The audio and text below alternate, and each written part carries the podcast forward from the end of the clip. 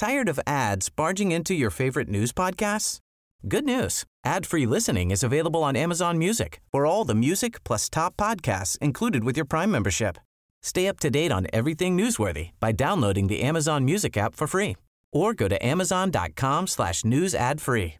That's amazon.com slash news ad free to catch up on the latest episodes without the ads. Jag gör lite ljudtest här nu. Om du bara säger någonting random. Mm, här sitter vi och förbereder podden. Dricker lite kaffe. Japp. Sånt ska man akta sig för Kaffe ja. under podd och inspelning och så vidare. Vadå? Just, att det är olika ljud av folk som dricker och äter och så vidare. Jag stör mig inte på det. Jag tycker att det det ger en ambiance Ja. eh, åt lyssnaren som gör. Ja, välkomna hit. Eh, Idag då detta spelas in den 27 april 2018 så är det exakt på dagen tre år sedan Gustav Kasselstrand och hans kompisar blev uteslutna ur Sverigedemokraterna. Han har sedan dess gått vidare och är nu själv partiledare och jobbat, jobbar för fullt med att ta ut hämnd mot partiet som dumpade honom. Nu vill han själv komma in i riksdagen med nystartade Alternativ för Sverige och idag är han gäst i det 24 avsnittet av 24 frågor. Välkommen hit! Tack så mycket. Hur eh, känns det att sitta här nu då? Jo, det känns bra. Det är lite lugnare nu än vad det var för tre år sedan. Dagen när jag blev utesluten. Så att, eh, nej men det känns eh, jättebra att vara här. Jag tror att vi får anledning att återkomma till det. Men eh, Det vi säkert. börjar med fråga ett. Det här måste vi reda ut innan vi börjar prata. Vad är en kasselstrand för någonting? En Kasselstrand. Ja, alltså vad betyder namnet? Ja, min farfar sa att det är... Kassel är, något slags gammalt svenskt ord för eh, borg alltså. Okej, ja ja. Castle. Mm, precis. mm. Så eh, det är vad jag har fått berättat för mig. Och eh, det var väl ett namn som togs någon gång i 1900-talets början. Skulle jag tro. Det är inte adligt då? Det är det inte. Nej. Det- Utan det är så här fake-adligt. Jag tror inte de hade det i åtanke när de tog det. Men det var väl en period i Sverige när alla började heta Karlsson och Johansson och så vidare. Och eh, folk tog lite mer unika namn. För Precis. att eh, när hela bygden hette Johansson så var det lite svårt att, att veta vem det var man egentligen pratade om. Exakt. Eh, Och just att man hellre tog ett namn med eh, naturgrejer i istället för att ta sitt yrke som efternamn. Vilket är vanligt i många andra länder. Tyskan Exakt. och engelskan till exempel. Exakt, det där är intressant för att eh, när man är i andra länder och, och, och frågar folk, jag minns när jag var i, i Singapore och pluggade och frågade lite indier där också, som jag också träffade. Mm. Om det skulle vara möjligt att heta saker som Sjöberg eller eh, Strand eller något sånt så började alla skratta väldigt mycket. För Mm. Ja. det lät ju otroligt konstigt att man skulle ha ett efternamn baserat på någonting i naturen. Ja, det var fullkomligt obegripligt. Och, det räcker med att åka ner till Europa så är det väldigt sällsynt. ja visst. Det är väl egentligen bara Finland, eftersom de har tagit sina gamla svenska namn och gjort finska som har... Ja. Där kan man se direkta översättningar nästan. Att där, där kan ni se att... Koivu till ja, Koivu, exempel. Björk. Mm.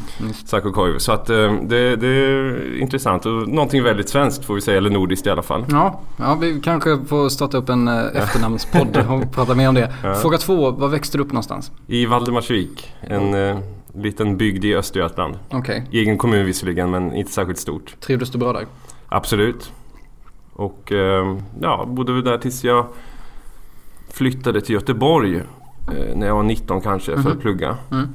Så eh, jo då, absolut. En, en sömnig liten Småstad är alldeles för stort, så Ja. vad ska jag säga? En, en liten ort. Ja, Men eh, absolut är det trevligt där. Eh, Tyvärr en kommun som har, har lidit mycket av invandringen också.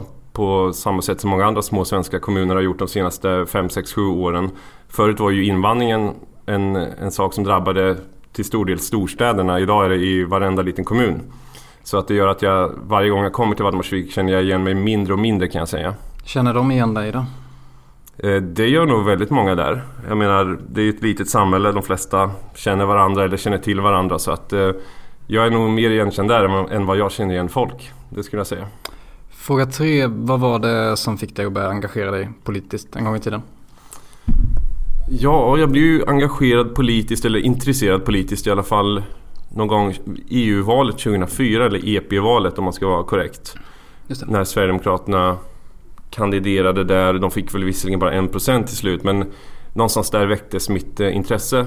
Och det gäller inte bara EU, även om jag såklart höll med om den frågan också. Men i allmänhet invandring och intresset för Sverige och, och svensk historia, svensk kultur. Man, man får ju, väldigt många människor, människor får ju någon form av politiskt uppvaknande när de går i i gymnasiet eller befinner sig där i tonåren. Så att jag skulle säga att där, där började jag titta på Sverigedemokraterna.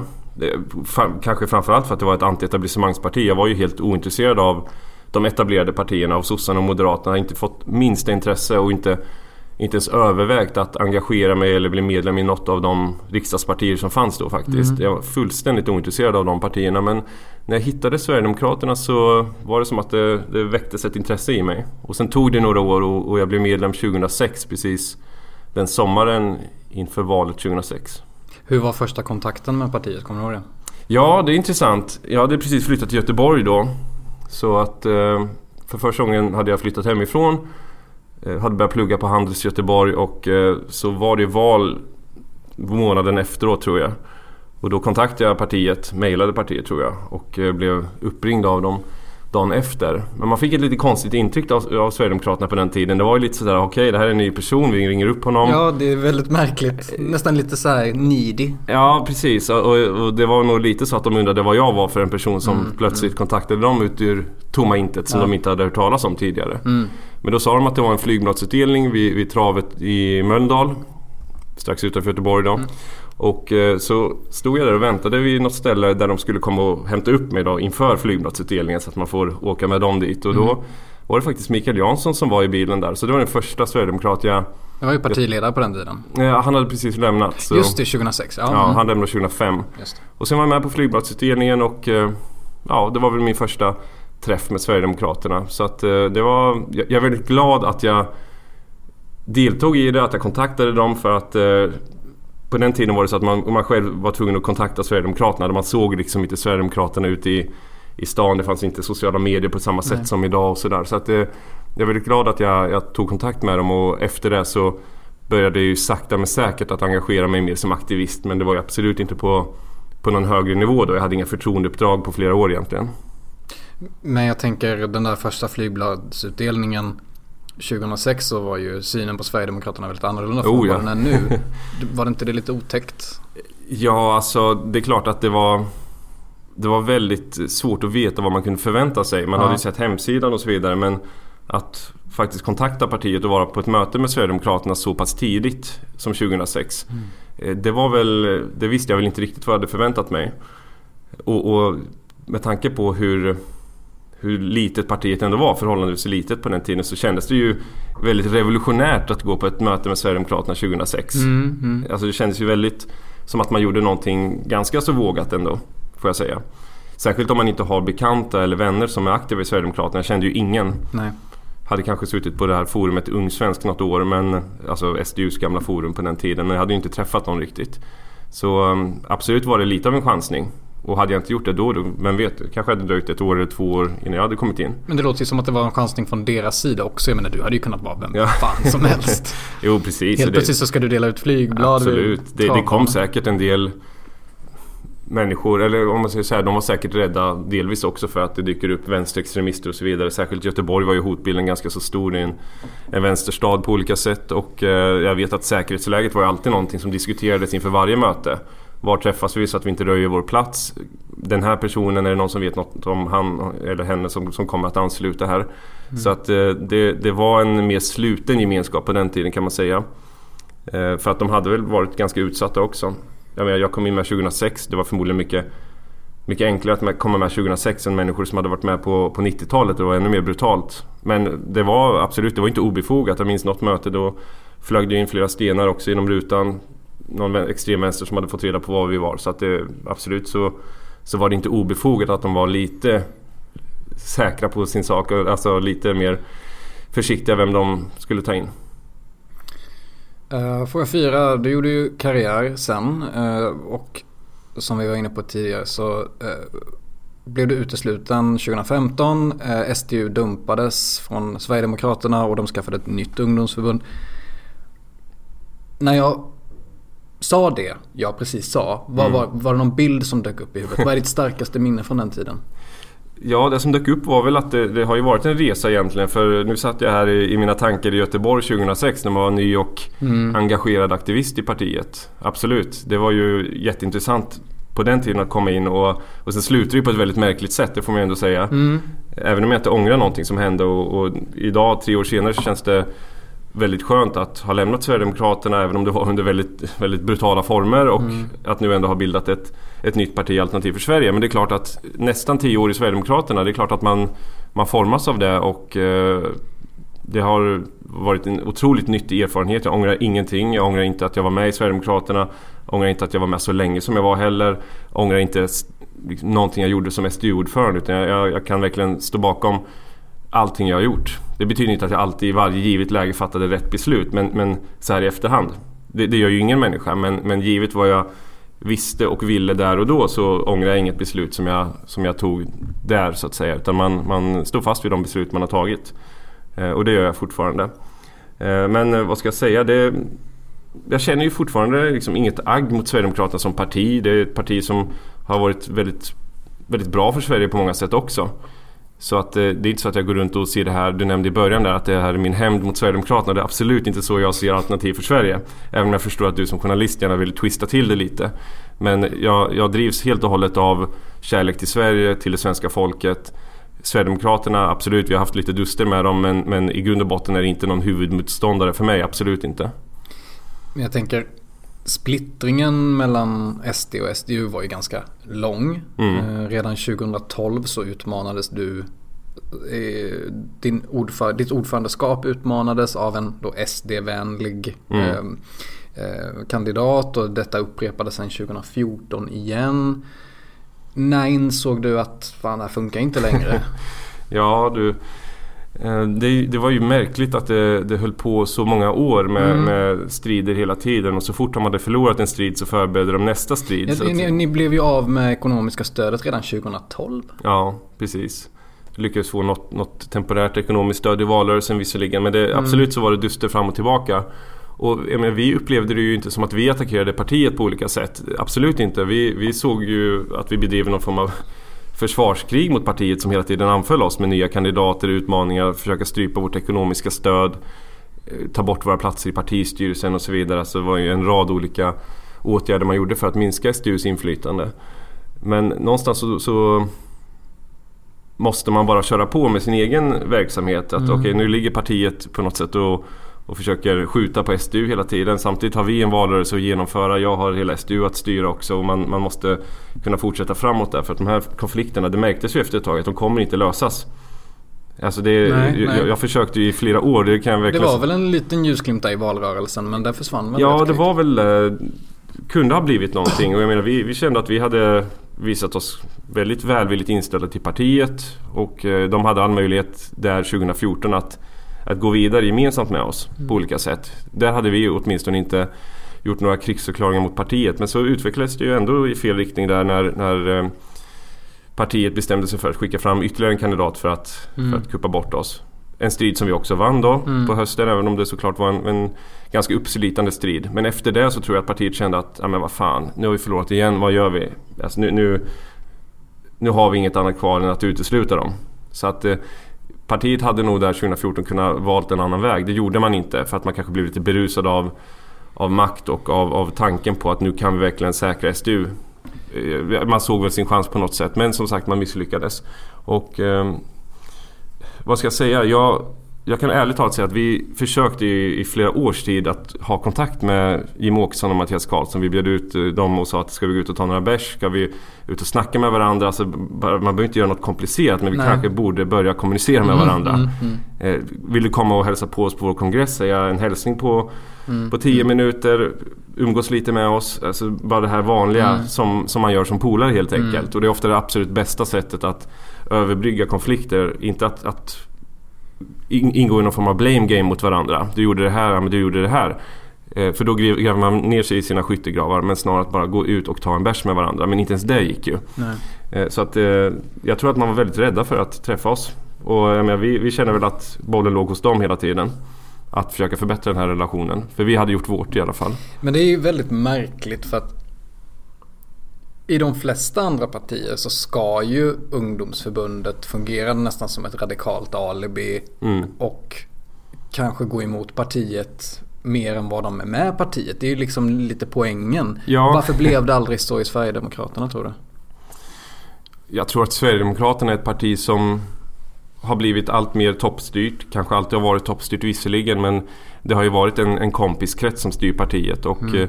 det är väl lite så här det, det, finns flera förklaringar men en förklaring är att som man känner sig själv känner man andra och det här är ju ett kompisgäng som tog makten i partiet i någon form av kupp.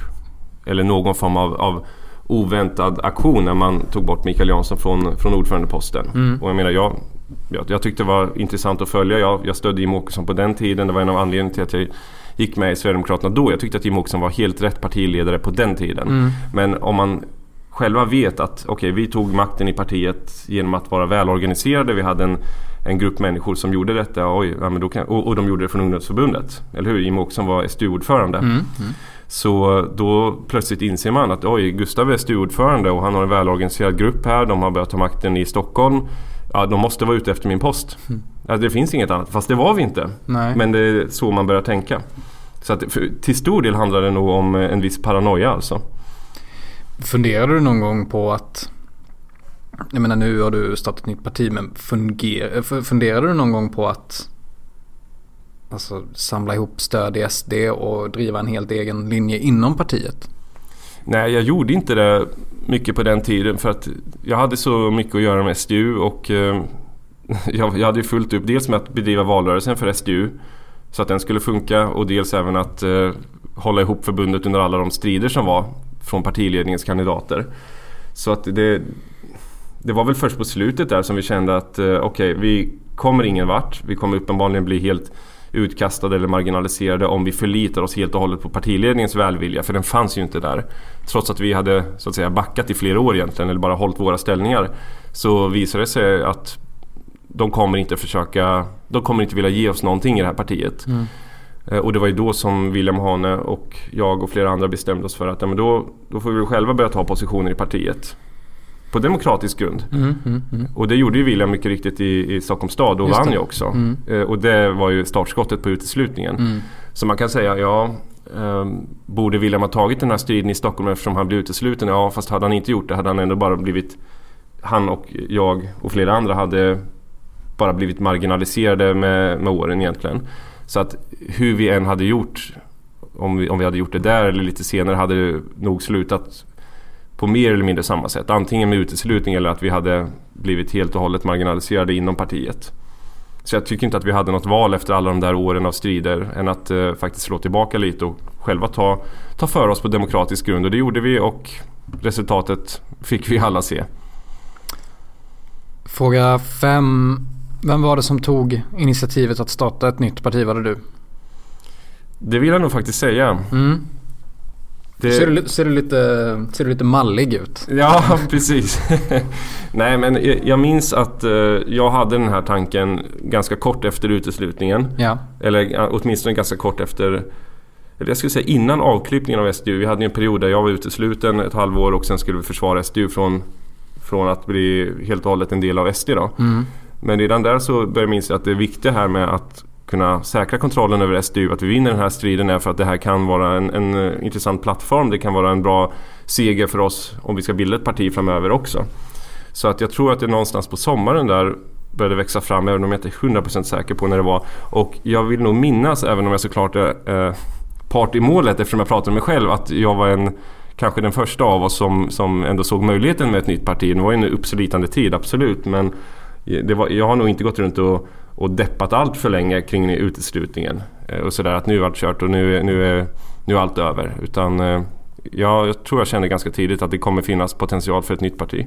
För, för att det är ju inte det är ju inte en självklarhet att man ska bilda ett nytt parti bara för att man vill eh, opinionsbilda. Jag menar man kan ju starta tankesmedjor. Absolut. Eller, fanns det sådana tankar också? Ja, och det är ju det de flesta gör får man ju ändå säga, de flesta har ju inte möjligheten att bilda ett parti. Inte för att man inte är tillräckligt duktig eller kompetent utan för att det krävs ju väldigt mycket resurser för att mm. bilda ett parti. Det krävs pengar, det krävs personer, det krävs hur mycket som helst för att bilda ett parti. Det är ju någonstans enklare att sätta sig och podda.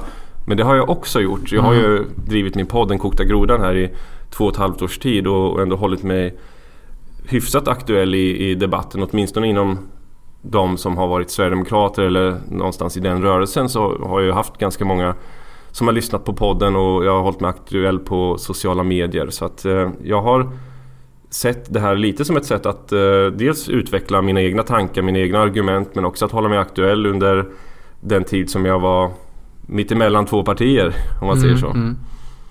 Så absolut, det, jag menar, allting är viktigt. Den, det här opinionsbildande arbetet som väldigt många gör, det ska inte underskattas. Det är en otroligt viktig del av politiken för att vitalisera hela partipolitiken. För partipolitiken är väldigt, är väldigt trög, den, den laggar efter väldigt mycket och det måste finnas opinionsbildare som hela tiden driver partierna framåt. Mm, mm. Men, Så utan de här opinionsbildarna skulle partierna vara ännu segre än, än vad de är idag. Ja, ja, men det är ju alltså... Partier är ju föreningar och det måste skötas på ett visst Ja, sätt. så är det. Men- det. Det går inte lika snabbt. Men... Eh, kommer du ihåg när ni... Hur gör man? Skickar man in papper? Eller vad gör man? Ja, det, det gör man. Mycket papper och man måste dessutom samla in 1500 namnunderskrifter. Ja. för att få bilda ett parti. Så att vi, vi eh, registrerade ju först partiet i Stockholm. Då behövde vi bara 50 namn. Mhm, Så det var en formell registrering i, i Stockholms kommun. Och sen eh, efter det så påbörjades hela det här arbetet med att samla in minst 1500 namn. Hur, hur gör man ens för att göra det? Ja, man får inte göra det elektroniskt. Man eh, måste vara ute på stan och samla in signaturer och personnummer. Och svenskar är väldigt rädda för att ge ut sina personnummer kan jag säga. Det är väldigt många som Ja. stödjer en men ber man om de fyra sista siffrorna i personnumret då är det som att folk känner att de håller på att bli rånade nästan. Ja, ja, ja visst. Eller att det är något fuffens på gång. Jo men visst, jag, jag känner igen det där. Mm. Så nej men vi fixade det där och det här var någonting som vi gjorde 2017. Mer i det dolda, det var ingenting som syntes utåt. Och Nej. eh, då planerade vi mycket hur vi skulle lägga upp valåret och eh, våra politiska program. Fixa den här registreringen, kontakta människor som kunde vara intresserade. Vi höll olika konferenser som, som var någon slags startskott eller diskussionsmöten för, eh, för partiet. Så att jag menar, partiet är ju förankrat också. Det är inte så att vi bara bildar det från som en blixt från klar himmel utan Nej. de som har varit med i vår krets visste att någonting var på gång. Mm. Och jag försökte sköta det här så gott jag kunde från Finland där jag bodde den, på den tiden. Men det gick bra allting och nu flyttar jag hem till Sverige här i början av året. Jag tänkte apropå det här med SDU och sånt. eh, Glömde fråga innan. Det nya ungdomsförbundet Ungsvenskarna. Mm. Deras ordförande Tobias Andersson har ju för övrigt varit gäst i den här podden. Har Mm. du träffat honom någon gång? Jo, ja. Ja, hundra gånger. Ja, jo, jo men alltså sen... Jag har sen, sen eh, har, brytningen. har, har ni och- sprungit på varandra? Eh, Ja, kanske någon Almedalen skulle jag nog tro. Stel stämning? Nej, egentligen inte. Eh, Jag har inget emot Tobbe. Jag lyssnade på hans eh, avsnitt med dig Ja, faktiskt. Mm. Absolut. Jag hade faktiskt inte lyssnat på den här podden innan så jag lyssnade på Tobbes och Mattias Mm, avsnitt. mm. Nej, så att det är nog inte alls särskilt stel stämning. Vi har nog säkert träffats någon Almedalen men det blir väl inte så mycket andra forum. Jag menar jag har inte varit så mycket i Sverige heller de senaste två åren. Nej. Men säkert kommer jag träffa både Tobbe och många andra Sverigedemokrater nu under valrörelsen. Det, det tar jag för givet. Fråga 6. Du är partiledare, du är eh, därmed också chef kan man säga. Mm. Hur märker man att du är riktigt förbannad? Ja du, du får nog fråga Per som jag sitter och jobbar med om dagarna och har för symptom när jag tappar hela, hela förnuftet. Men eh, Har du lätt för att bli arg? Nej, jag tror inte det. Eh, inte så att det syns utåt. Ganska kontrollerad. Blir sällan sådär överglad och sällan jättearg heller. Mm, mm. Kan bli, jag kan nästan bli lite arg på människor som är alltför arga och gnälliga. Mm. Då, då kan man ju bli arg. Men eh, jag skulle förmodligen tro att eh, du kommer nog inte få se alldeles för mycket gestikulerande och, och höga utskällningar. Utan eh, det blir nog så att man är arg och lite, lite helt enkelt lite mer lågmäld ett tag. Du gillar inte det här dramatiska i människor? Eh, Alltså det, det kan vara otroligt intressant att titta på. Särskilt om det är genuint alltså. Om Mm. det är konstruktivt på något sätt. Jag menar all ilska är ju inte destruktiv. Nej. Eh, Så att det där får man skilja lite på. Jag menar det finns ju människor som John McEnroe som kunde vända sin ilska till något positivt på tennisbanan till exempel. Men de flesta människor har ju inte den förmågan att använda ilskan till någonting som får dem att växa. Jag menar ta bara tennisspelare förmodligen. Jag var ju också extremt ilsken som tennisspelare som liten. Men, eh, så, Du spelar tennis? ja, oh ja, oh. Mm, mm, mm. Eh, och sen tänker man att ja, John McEnroe kunde ju vara arg och, och ändå vända det här och få motståndaren ur balans. Men det är få som har den förmågan. Så att man, man får vara smart arg så att säga. Och eh, jag lärde mig ett intressant koncept när jag pluggade med NBA och det är just att, att eh, man ska fråga sig den här frågan.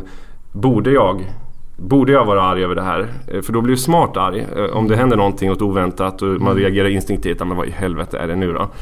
Eh, Då, då är det lätt hänt att man blir destruktivt arg. Man kan inte riktigt se klart. Men, men ta ett steg tillbaka. Fråga, borde jag vara arg över det här? Ibland är ju, är ju svaret då att nej, du borde faktiskt inte vara så arg. För det här är någonting som kommer gå över. Eller det här är någonting som, mm. som eh, inte är en så stor katastrof som det känns som nu. Men emellanåt så är det ju stora katastrofer som händer och då frågar du dig själv, borde jag vara arg? Ja, jag borde faktiskt vara arg. Men då blir du smart arg. Då blir du arg på det här sättet. arg. Ja, precis. Då blir du arg på det här sättet att nu kommer jag gå till botten med det här på det här och det här sättet. Så att det där är ett koncept som såklart är enklare i teorin än i praktiken. För det är inte alltid att du tänker på det här sättet att du borde ta ett steg tillbaka. Men jag försöker ha det i huvudet så ofta jag kan i alla fall. Att, att eh, först ett steg tillbaka, sen bestämmer jag mig för om jag faktiskt ska vara arg. Eller vara en person som helt enkelt släpper det. Intressant. Mm. Ehm, ska vi se här. Så jag rekommenderar både dig och alla som lyssnar på det här. Fråga er själva, borde jag vara arg just nu? Ja, bra för alla som har Twitter också kanske. Absolut. Fråga sju. Nu har det gått snart två månader sedan Alternativ för Sverige lan- lanserades officiellt. Hur vill du sammanfatta de här två månaderna? Ja, det har varit jättekul att göra det här. Och, och framförallt, jag har ju sett fram emot att få bilda partiet och få vara ute på barrikaderna så att säga. Och, och slippa hålla på med de interna striderna som tog upp så mycket tid för, från, från vad vi gjorde i SDU. Så att jag tycker det har varit jätteroligt att göra det här. Och jag har varit inställd på det i flera års tid att när vi kommer tillbaka till politiken, och vi bildar Alternativ för Sverige, då ska det vara roligt. Det går inte att kämpa sig igenom varje dag som att det är sju svåra år och sen tro att man ska nå framgång när, när hela ens vardag är kantad av problem. Så att jag har aktivt försökt att, att ha roligt och, och ha människor omkring mig som är positiva. Så att eh, jag tycker att det har varit jätteroligt och vi har fått tre riksdagsledamöter, vi har haft mycket mediepublicitet. Vi har fått ett enormt stöd av, av folk, både Sverigedemokrater och andra människor som, som eh, har följt partiet. Och det det känns som att det gått väldigt, väldigt bra. Vi har ju framförallt fått ett, vad ska vi säga, brand recognition. Vi har etablerat som ett parti. Folk känner till Alternativ för Sverige. Och det är det absolut viktigaste. Det var ju viktigare än någonting annat att den första månaden eller första två månaderna få människor att förstå att det finns ett nytt parti. Så det tycker jag vi har lyckats med och, och hade vi inte lyckats med, med att få partiet känt eller inte lyckats med att få över riksdagsledamöter eller få en hel del media då, då hade det varit mycket tyngre just nu att känna att vi ska gå in i en valrörelse utan att någon ens har hört talas om vårt parti. Då. Så att man, man får tänka lite på prioriteringar också. Det är klart att man inte alltid får den vinkel man vill ha i media men det absolut viktigaste är som sagt att du faktiskt existerar. För de flesta partier lyckas ju inte komma över den, den tröskeln att bli kända för allmänheten. Det finns Nej, ju väldigt verkligen många registrerade partier i Sverige. Och det kanske är tio partier i Sverige som är kända nu. Riksdagspartierna plus några till. Mm. Ja, 10, 11, 12. två max tre Ja. till. Ja. Eh, Men du har ju som du var inne på, du har ju lyckats locka över tre stycken riksdagsledamöter från Sverigedemokraterna. Skulle du säga att det är den största framgången för er nu här i början?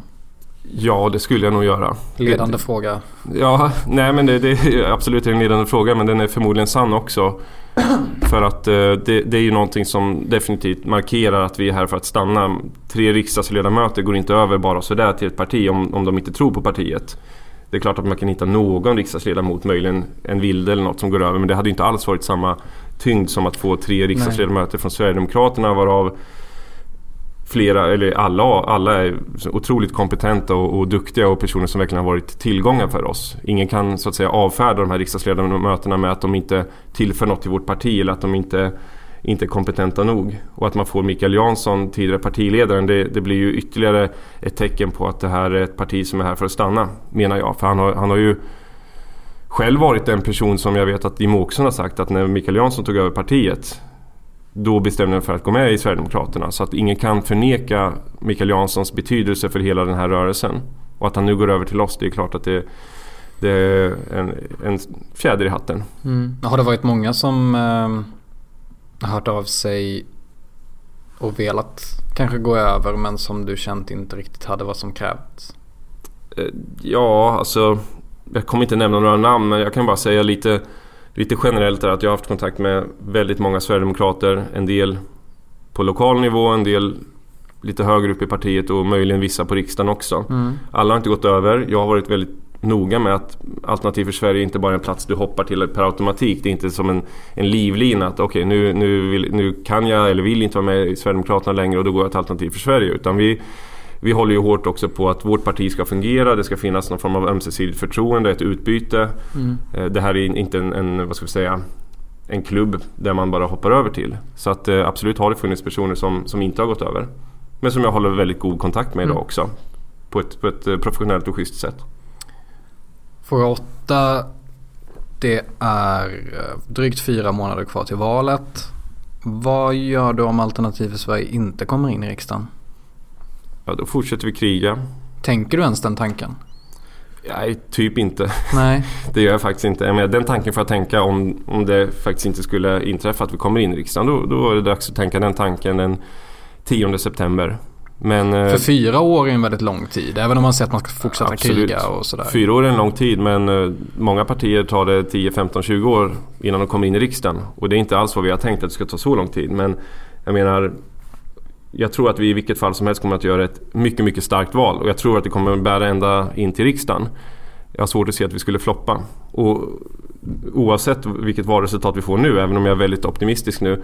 eh, Och tror, jag tror faktiskt på en framgång, men oavsett vilket så är det ett Europaparlamentsval där på våren också, Just det. 2019. Just det. Och där ska vi såklart kandidera också. Och kanske ett omval också. Ja, kanske ett omval eller två, vem vet? Jag Mm. menar, ingen skulle bli gladare än jag om det faktiskt hände lite i svensk politik så att man inte har den här det är val, sen är det fyra år av, av eh, bara prat och tystnad och sen är det val igen. Det, det, det är en... Eh, jag tror det behövs mer liv i, i den svenska politiken, svenska demokratin. Med fler budgetar som fälls, fler regeringar som avsätts, fler ministrar som avsätts. Allt som skapar en, en, ett visst liv, ett, en viss kaos i, i politiken är nyttigt för politiken Kan det inte bli för mycket kaos där? Jag menar man måste ju ändå ha någon form av stabilitet för att landet ska Absolut, kunna absolut. styras. någonstans går ju gränsen. Men vi kanske inte vill ha italiensk nivå på det hela. Men, men eh, om man tar den andra änden, den svenska nivån, är otroligt Otroligt svag alltså. Vi har politiker som rasar mot budgetar som de själva inte ens tänker rösta ner. Det, det är ett dåligt politiskt spel bara som sker i Sveriges riksdag idag. Så att när vi kommer in i riksdagen så kommer ju A och O vara precis som Alternativet för Deutschland sa så fort de kom in i, i, i den tyska riksdagen. Då sa de, vi kommer att jaga dem. Vi kommer att jaga etablissemanget. Vi kommer liksom inte vika en tum. Eh, Så att eh, när de kom in i riksdagen var det många som trodde att ah, men nu kommer de anpassa sig. Ja, vi, ska samarbeta och ta ansvar och så vidare. Men så här, nu, nu fortsätter det här och eh, helsike vilket problem de ska få med oss som parti. Och det är exakt den inställningen vi har i Alternativ för Sverige. Från dag ett vi kommer in så ska vi göra det så svårt som möjligt för de andra partierna att få igenom den politik som vi inte håller med om. Eh, om man tänker historiskt, om man kollar på Miljöpartiet 88, Ny Demokrati 91 och Sverigedemokraterna 2010. Det känns ju som att det krävs ett väldigt, väldigt, väldigt starkt momentum under sommaren Mm. för att ens ha en chans. Om man tar det här säldöden 88 gjorde att Miljöpartiet var precis Mm. ovanför. Som sedan visade sig inte vara så många Ex- döda sälar va? Ja, det var väldigt många döda sälar men det hade väl egentligen ingenting med miljöförstör. Det var något virus eller någonting. Ja just det, precis. Det var nå- någonting som visade sig sen inte vara det som folk hade trott att det var i Och jag fall. tror att det var så att det klarades upp till och med innan valdagen. Så, ja, ja, skitsamma. Ja, Men det, jag menar jag är inte direkt avundsjuk på dig. För jag menar hur i helskotta skapar man den typen av Mm. momentum att få äga världsbilden som man i viss mån nästan måste göra om man ska komma in i riksdagen. Ja abso- absolut och, och som, som nytt parti som inte sitter i riksdagen så har man inte tillgång till de plattformar som de etablerade partierna har. Och det, det är bara att inse, så är spelreglerna. Mm. Man, kan, man kan tycka att det är orättvist att eh, de får sina valsedlar utlagda och att de får med i alla debatter och att de får särredovisas i opinionsundersökningar men det är så läget ligger. Mm. Och eh, då måste man hitta nya innovativa vägar och eh, våga synas. Våga ta ut svängarna mer. Det måste vara drag under galoscherna. Det fattade ju Ny Demokrati. Annars Mm. hade de inte haft någon chans överhuvudtaget. Och det är på det sättet vi kommer att jobba hela året här. Att vara smarta. Vi har inte lika mycket pengar som de andra partierna. Vi har inte massa heltidsanställningar. Vi har inte den plattform som de har. Men vi kan vara ännu smartare. Det kostar inte att vara smart. Eh, tvärtom så är det egentligen, om vi ska lyckas, då, då är det enda sättet för oss. Vara smarta. Mm. Och det tror jag att vi kommer vara. Jag menar vi, vi är ett uppstickarparti. Vi måste våga vara ett uppstickarparti. Och jag tror att man kommer få se väldigt många saker från Alternativ för Sverige som kommer att bli rejäla snackisar. Det är i alla fall min ambition. Fråga 9. När pratade du med Jimmy Åkesson senast? Oj oj oj. Eh, det gjorde jag ju inte ens under sista tiden i Sverigedemokraterna. Nej. Så att det här är långt tillbaka vid Hedenhös. Ja, vad ska vi säga? Det kan ha varit... Alltså jag vet tusan. Alltså jag tror inte ens jag pratade med, med Jimmie Åkesson 2014 där efter valet när... Det finns någon bild på er tillsammans på valvakan tror jag. Nej, det är 2013 när vi skakar hand. Jaha, okej. Okej. För att jag minns 2014 där efter att jag hade vunnit den här striden mot Henrik Winge. Det var ju ändå en, en strid som så gott som hela Sverige kände till. Mm. Jag fick inget grattis, inte ens ett sms, ingenting av partiledningen. Det var inte så där formella grattis och eh, lycka till framöver. Så alltså man kan förvänta sig det här lite dissiga grattiset. Kom heller inte. Så att eh, jag, jag skulle säga att eh, det måste ha varit någon gång sommaren 2014 kanske. Herregud. Ja. Men sen har, vi, har ju åtminstone Jimmy pratat väldigt mycket om mig eller Ja, till mig i, via media nu. alternativ för sparkade kallar han ditt parti. Allt möjligt. Det finns kärt barn har många namn Mm. får vi kalla Alternativ för Sverige. ja, men som sagt jag känner, känner inget personligt agg mot Jimmy. Jag menar det det finns ingen anledning att man går runt och, och gräver ner sig i, i gammalt groll utan Jimmy har ju faktiskt nu också sagt i, i Sveriges Radio att om vi kommer in i riksdagen Alternativ för Sverige då är det också hans uppgift att söka samarbete med oss om vi kan ha gemensamma beröringspunkter. Och- Allting annat vore väl ganska Ja, konstigt om man ska vara precis, precis. Sen har han ju kallat oss alternativ för sparkade men till syvende och sist då har vi här dels jag och dels Jimmy som har sagt att vi är redo att samarbeta med den andra om, om vi båda sitter i riksdagen efter valet. Fråga 10.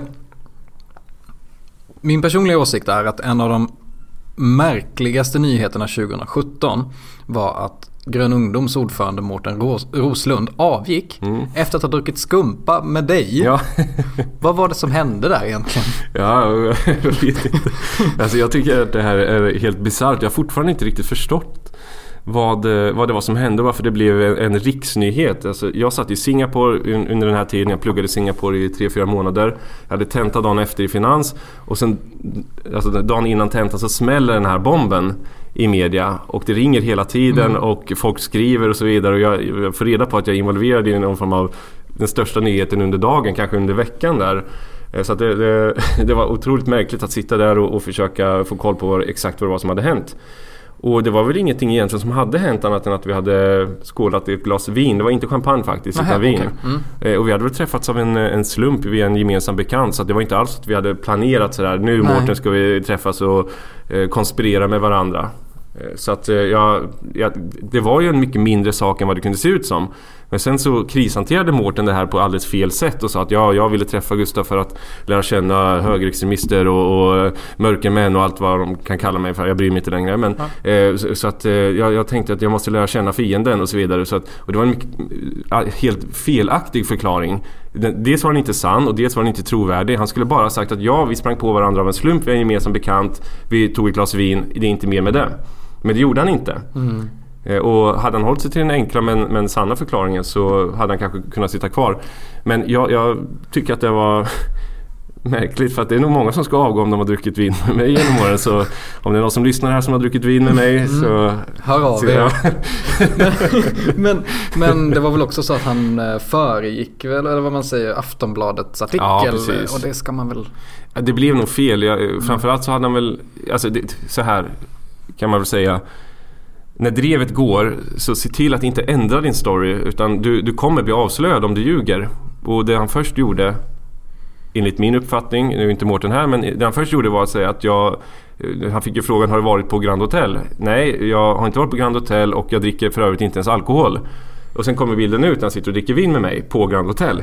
Eh, och, och efter det så har din, din förmåga att fortsatt krishantera det här sjunkit till noll eftersom du avslöjades direkt med att ljuga. Och det är verkligen A och O. Ljug inte i så vad ska vi säga, krissituationer utan säg sanningen som den är bara för att det, det troliga är att den kommer att komma fram. Mm. Eh, Men jag har ju hört lite rykten om dig eh, genom åren. Att Alltså. det är mycket, ja men det är mycket champagne och, och, och det är um, sabrering med karolinervärja och, Oh, ja. och, och eh, eldsprutande och allting. Är du en Ja. festlig person? Även den här sabreringen den har ju varit helt öppen. Men sabrering med karolinervärja, det kan jag rekommendera. Det är ju en, en partystarter utan dess like. Alltså. Det är lite tråkig Men det är stäm- genuin från... eh, Nej, jag fick en replika av mina goda vänner här i, i SDU och, och andra. Hela det här gänget som Ja. man ändå fick någon replika av Karl XIIs eh, värja. Mm. Så den, den är inte från 1700-talet. Men icke desto mindre fungerar den att sabrera champagne med. Och, så att jag kan säga, är det lite avslagen stämning på en fest så sabrera en flaska champagne. Men det är ingenting jag gjort särskilt mycket. Jag la upp någon bild något någon nyårsafton där faktiskt. Och den där med eldsprut, det var väl på någon SDU nationaldagsfirande som man, man fick testa det. Och sen ja, finns det någon frivillig? Jag vill egentligen inte frivillig men när hundra pers börjar ropa liksom. Gustav, Gustav, Gustav. Då kan man ju inte vara, vara den som är den. Så att det var väl det. Men absolut, jag...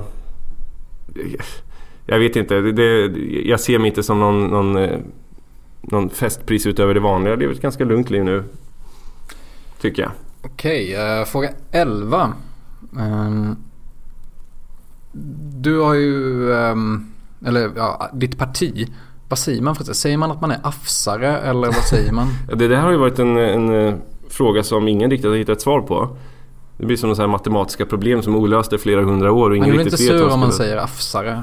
Afsare, det låter, det låter ju kanske inte särskilt glamoröst sådär. Inte särskilt mycket... Alternativ för Sverigare. Ja, ja alternativ.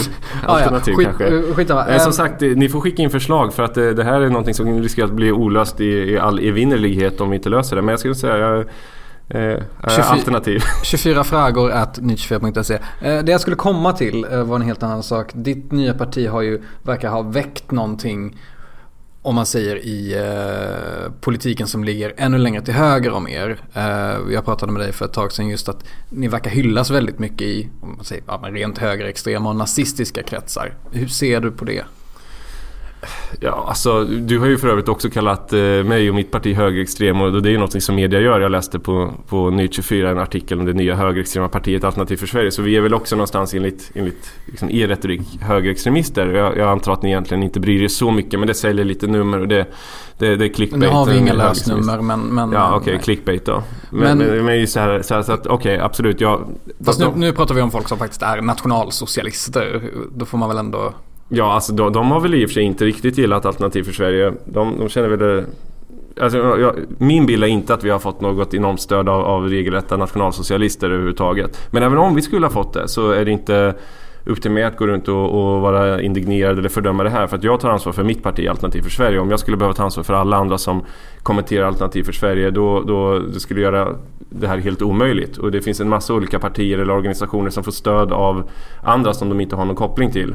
Så att min, min utgångspunkt är helt och hållet att fokusera på, på vad jag gör. Och jag menar, det finns ju väldigt många som tycker att man ska gå runt och ta avstånd från allt och alla som har stöttat en på Twitter eller Facebook eller något annat. Men jag tycker inte att det är ett eh, seriöst sätt att bedriva politik att eh, gå in i något blame game gentemot andra. Att du är dum, ja men du är dum och så vidare. För att det, det, det är bara destruktivt. Och jag menar om du, om du tänker på de här eh, som postar memer med skurt och så vidare. Men många av de grejerna är ju roliga och en del av dem är ju, är ju med, med glimten i ögat. Så att, eh, Men jag tänker mer på ett personligt plan. När går gränsen liksom för dig när du känner shit det här vill inte jag vara en galjonsfigur för eller jag vill inte hyllas av just de här personerna. Skulle du kunna känna så någon gång? Ja, alltså det, det beror ju på om, om, om, om jag har en direkt koppling till dem på något sätt. Då behöver jag ju ta större ansvar för vem jag syns med eller vad jag, vad jag gör. Men i grund och botten så, så tycker jag inte att man ska ha den här inställningen att man är rädd för att man har beröringsångest eftersom jag, det beror på vad jag själv har sagt och gjort. Jag menar, finns det man kan få stöd av vem som helst eh, och, och, det är inte upp till mig att kontrollera detta. Och då, då tycker jag att ja, är det någonting som jag själv aktivt har en koppling till eller har stött, då, då är det upp till mig att ta större ansvar och möjligen också säga att ah, det här är ingenting jag vill förknippas med. Mm. Men, men hittills som partiledare för Alternativ för Sverige. Absolut får vi stöd och motstånd av alla möjliga olika grupper och det är väl en del av hela den politiska debatten. Jag tänker inte gå runt och endorsa alla de som ger oss stöd eller, eller kritisera de som kritiserar oss så att säga. Utan det, det, den där debatten, den, den rörelsen måste få vara lite levande utan att vi kommer med, med pekpinnar och säger att den här är okej och den här är inte okej. Och jag tycker att Sverigedemokraterna har gjort helt fel där. De har ju gått ut och fördömt, fördömt fria tider, de har fördömt alternativmedier och så vidare. De har skickat ut kommunikationsplaner med, med vad man får länka och inte länka. Och vi kommer inte göra det där i Alternativ för Sverige och säga att den här sajten får ni inte länka. Så, så jag har en annan inställning till det där och det beror inte på att jag vill förknippas med olika organisationer utan bara för att, att snarare att jag tycker att det är ett ett väldigt oschysst sätt att bedriva politik. För att förr eller senare är det Alternativ för Sverige som, som hamnar på en sån här lista över icke okej partier från till exempel Sverigedemokraterna. Liksom, om jag sitter och säger att andra, andra personer får man inte länka. Ska jag då kritisera Sverigedemokraterna när de och deras företrädare säger att ni får inte gilla Alternativ för Sverige på Facebook? Mm.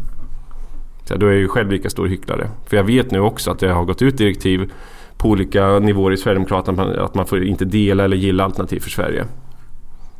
Det är liksom bara att kväsa debatten. Det blir ett väldigt, väldigt avhugget och, och ska säga, ett debattklimat eller en kultur som präglas av rädsla och misstro. Ett angiverisystem nästan, lite DDR-mentalitet. Att Kalle länkade Alternativ för Sverige i senaste artikel. Då ska jag skicka upp det här som ett tips till partiledningen. Mm. Men om man inte har den här typen av förbud, ja, då kan du tipsa hur mycket du vill. Det är inte förbjudet i alla fall. Då.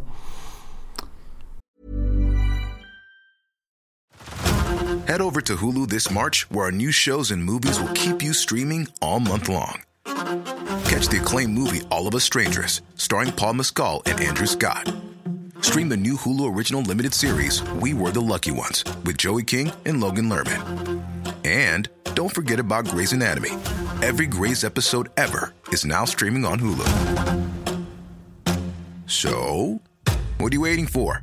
Go stream something new on Hulu. Hey, I'm Ryan Reynolds. At Mint Mobile, we like to do the opposite of what Big Wireless does. They charge you a lot we charge you a little. So naturally, when they announced they'd be raising their prices due to inflation, we decided to deflate our prices due to not hating you. That's right. We're cutting the price of Mint Unlimited from $30 a month to just $15 a month. Give it a try at mintmobile.com slash switch. $45 upfront for three months plus taxes and fees. Promo for new customers for limited time. Unlimited more than 40 gigabytes per month. Slows. Full terms at mintmobile.com. Fråga 13. Är du stresstålig? Det tror jag faktiskt. Det, det ser jag som en av mina absoluta styrkor att jag nog kan hantera ganska mycket stress utan att freaka ur fullständigt. Mm. Så ska jag nämna några styrkor med mig själv så, så måste det vara stresståligheten som jag, jag tycker är god. Du har, aldrig, du, aldrig känt, men... du har aldrig känt att det blivit för mycket någon gång? Äh, typ aldrig, aldrig riktigt sådär att oj nu, nu, nu, går jag, nu, nu ger jag upp. Mm. Aldrig riktigt. Men det kan också bero på att jag under så lång tid i politiken har behövt hantera ärligt talat en massa skit inom SD och SDU, alltså en massa strider, destruktiva strider och så vidare från partiledningen. Det var ju det absolut ska vi säga, jobbigaste under tiden att hantera Sverigedemokraterna. För att du kan inte göra något konstruktivt, något positivt av det. Att däremot vara lite ansatt av media eller vänstern och så vidare, det är något som du kan kanalisera till någonting positivt. Du kan opinionsbilda för det. Men att mm. opinionsbilda en egen strid med sitt eget moderparti, det går inte. Men, men då då tror jag att det här har utvecklat en viss stresstålighet. Att, att eh, inte få panik utan att snarare försöka behålla sitt sunda förnuft och sin rationalitet även i ganska pressade situationer. Och, och, det har gjort att jag just nu känner mig väldigt, väldigt redo, väldigt erfaren nu när jag har gått in i Alternativ för Sverige för att jag vet hur politiken fungerar, jag vet hur media fungerar, jag vet hur, hur Sverigedemokraterna fungerar. Så man ska aldrig säga aldrig, ingen människa är ju immun mot stress. Nej. Alla människor har ju någon, någon form av punkt där, där, man efter det inte kan tänka rationellt längre. Men förhoppningsvis så, så har jag tränat mig väldigt, väldigt mycket genom de här åren ändå. Och dessutom fått lite perspektiv sen jag lämnade Sverigedemokraterna också. Två, tre år när man växer lite, gör andra saker. Mm. Eh, inser att politiken, politiken är till syvende och sist en lite av en bubbla. Jag menar det som är väldigt, väldigt stort i politiken är mm. inte så stort utanför politiken. Nej, verkligen inte. En skandal i politiken ligger i papperskorgen dagen efter. Så man behöver inte drabbas av panik för, om man råkar göra ett klavertramp någonstans. Utan de allra flesta människor har kanske inte ens hört talas om det här klavertrampet som du påstås ha gjort. Mm. Och den insikten tror jag att fler politiker borde ha. Att, att kolla med människor som inte finns i politiken. Det är liksom otroligt lite som bryter igenom till, till människor utanför politiken. Och det innebär att du inte behöver... Du, du har väldigt mindre ofta anledning att drabbas av panik för att dina skandaler har inte betytt så mycket. Men, men du kanske inte ska hoppa jämfota heller för det är troligt att folket inte har hört talas om dina framgångar heller då. Nej, precis. Under den tiden. Fråga 14. Du är med i Hemvärnet, eller hur? Det stämmer bra det. Hur kommer det sig? Ja du, jag gjorde ju värnplikten 2007 och sen hade jag några år när jag inte var militärt engagerad på något sätt. Och sen var det väl när jag satt och jobbade på riksdagskansliet där jag satt och jobbade samma kontor som Oskar Sjöstedt som idag är ekonomisk politisk talesperson mm. för SD. Och eh, det var nog han som gick med i hemvärnet och sa att fan du borde också gå med i hemvärnet, du har gjort värnplikten. Så jag tror faktiskt att det är Oskar jag ska tacka för, för att jag engagerade mig i hemvärnet. Tacka eller fördöma. Det är inte så jäkla kul att vara ute på de här övningarna varje gång men man, man gör det ändå för, för plikten på något sätt. Men vad är det ni gör för någonting? Nej, då är man ute i skogen. Det är väl ganska likt värnplikten. Man är ute i skogen eller i, i någon bebyggelse och tränar strid helt enkelt. Ja. Eller reseförläggningar. Alltså det, det är som vanlig militär verksamhet. Så att, eh, jag tror att en del kanske har bilden av hemvärnet som att det, det är den mer gammalmodiga bilden av att det är gamla gubbar som sitter och äter korv. Så är det mm. absolut inte. Utan eh, det, det är vanlig militär verksamhet. Okej. Okay. Um, ehm, fråga 15. Vilken är den absolut ideologiskt viktigaste grundfrågan i politiken? För det är något slags axiom som du har med dig hela tiden. Ja, det måste vara att alltid i varje givet läge sätta Sverige och svenskarna först. Om man ska prata om någon, någon ideologi och så vidare så, så Ingenting gäller om man inte har det som utgångspunkt för allt det man gör. Och I alla fall inte för mig i politiken i Alternativ för Sverige. Att alltid fråga mig själv, är det här någonting som gynnar det svenska folket? Är det någonting som ligger i svenska folkets intressen? Det är, varje problem i världen är inte Sveriges problem. Man kan så att säga backa från en fråga som är komplicerad med hänvisning till att det här är faktiskt inte upp till Sverige och svenska folket eller svenska skattebetalare att lösa. Det finns en rad olika problem runt om i världen kan man ju lugnt säga. Varje land har sina problem. Och de senaste åren har jag alltmer kommit att, att um, fokusera på det här enkla. Att, att uh, ja, man kan grotta ner sig i ideologier, man kan läsa böcker och så vidare. Men, men till syvende och sist så är det ju sunt förnuft som allting måste utgå ifrån. Och där handlar det om att sätta svensk, svenska folkets intressen i första rummet. Man kan helt enkelt dra sig tillbaka från vissa frågor och säga att det här ligger inte på det svenska folkets bord. Och jag har blivit allt mer inspirerad av till exempel Donald Trump. Även om det finns mycket att säga om Donald Trump, men America first. Den linjen Eh, det finns, och han sa i ett mycket bra tal att det finns inget land i världen som någonsin har blivit rikt om de inte har satt sin egen befolkning främst. Det ska befolkningar göra, det ska länder göra. Det betyder inte att man krigar mot varandra men det, det finns alltså inget exempel på länder som blir rika när man säger att vi, vi sätter vår befolkning i andra rummet. Först och främst ska vi hjälpa andra, det, det går inte. Och den, den inställningen måste svenska politiker återigen ha, att förstå att uppdragsgivarna som svenska politiker har, det är det svenska folket. Man kan diskutera, ja det är flyktingar, vissa har stora problem och så vidare. Det, det, finns kvotflyktingar och så vidare. Men det är faktiskt inte upp till Sverige att lösa alla problem i världen. Och jag upplever att de stora förlorarna på den politik som har förts i Sverige i 30 års tid. Om man tittar på stora grupper som har förlorat så är det ju det svenska folket. Som har fått se en politik som nästan alltid prioriterar utlänningar framför svenskar. Det såg senast igår när Annika Strandhäll säger att vårdens problem beror inte på på flyktingarna, det beror på äldre svenskar. Och bara den retoriken, att man, att man ska säga en sån sak, vore helt osannolikt i nästan alla länder i hela världen. Alltså, skulle man säga en sån sak skulle man behöva avgå. Det räcker med att åka till något av våra nordiska grannländer där du, du skulle inte kunna komma undan med ett sånt uttalande. Eh, och det är den inställningen jag vill ska prägla politiken mer och även, även debatten i allmänhet. Att man frågar politiker Sätter du svenska folket före andra länders befolkningar? Inte att du tycker att de är bättre eller mer värda eller något sånt. Utan inser du att det är det svenska folket som är din uppdragsgivare. Och jag menar att det är grov trolöshet mot huvudman. Så där Annie Lööf sysslar med. Att eh, bevilja 9000 afghaner asyl i Sverige. På vems bekostnad? Vad kommer det här kosta? Både i, i pengar och även i, i lidande i allmänhet med brottslighet och så vidare.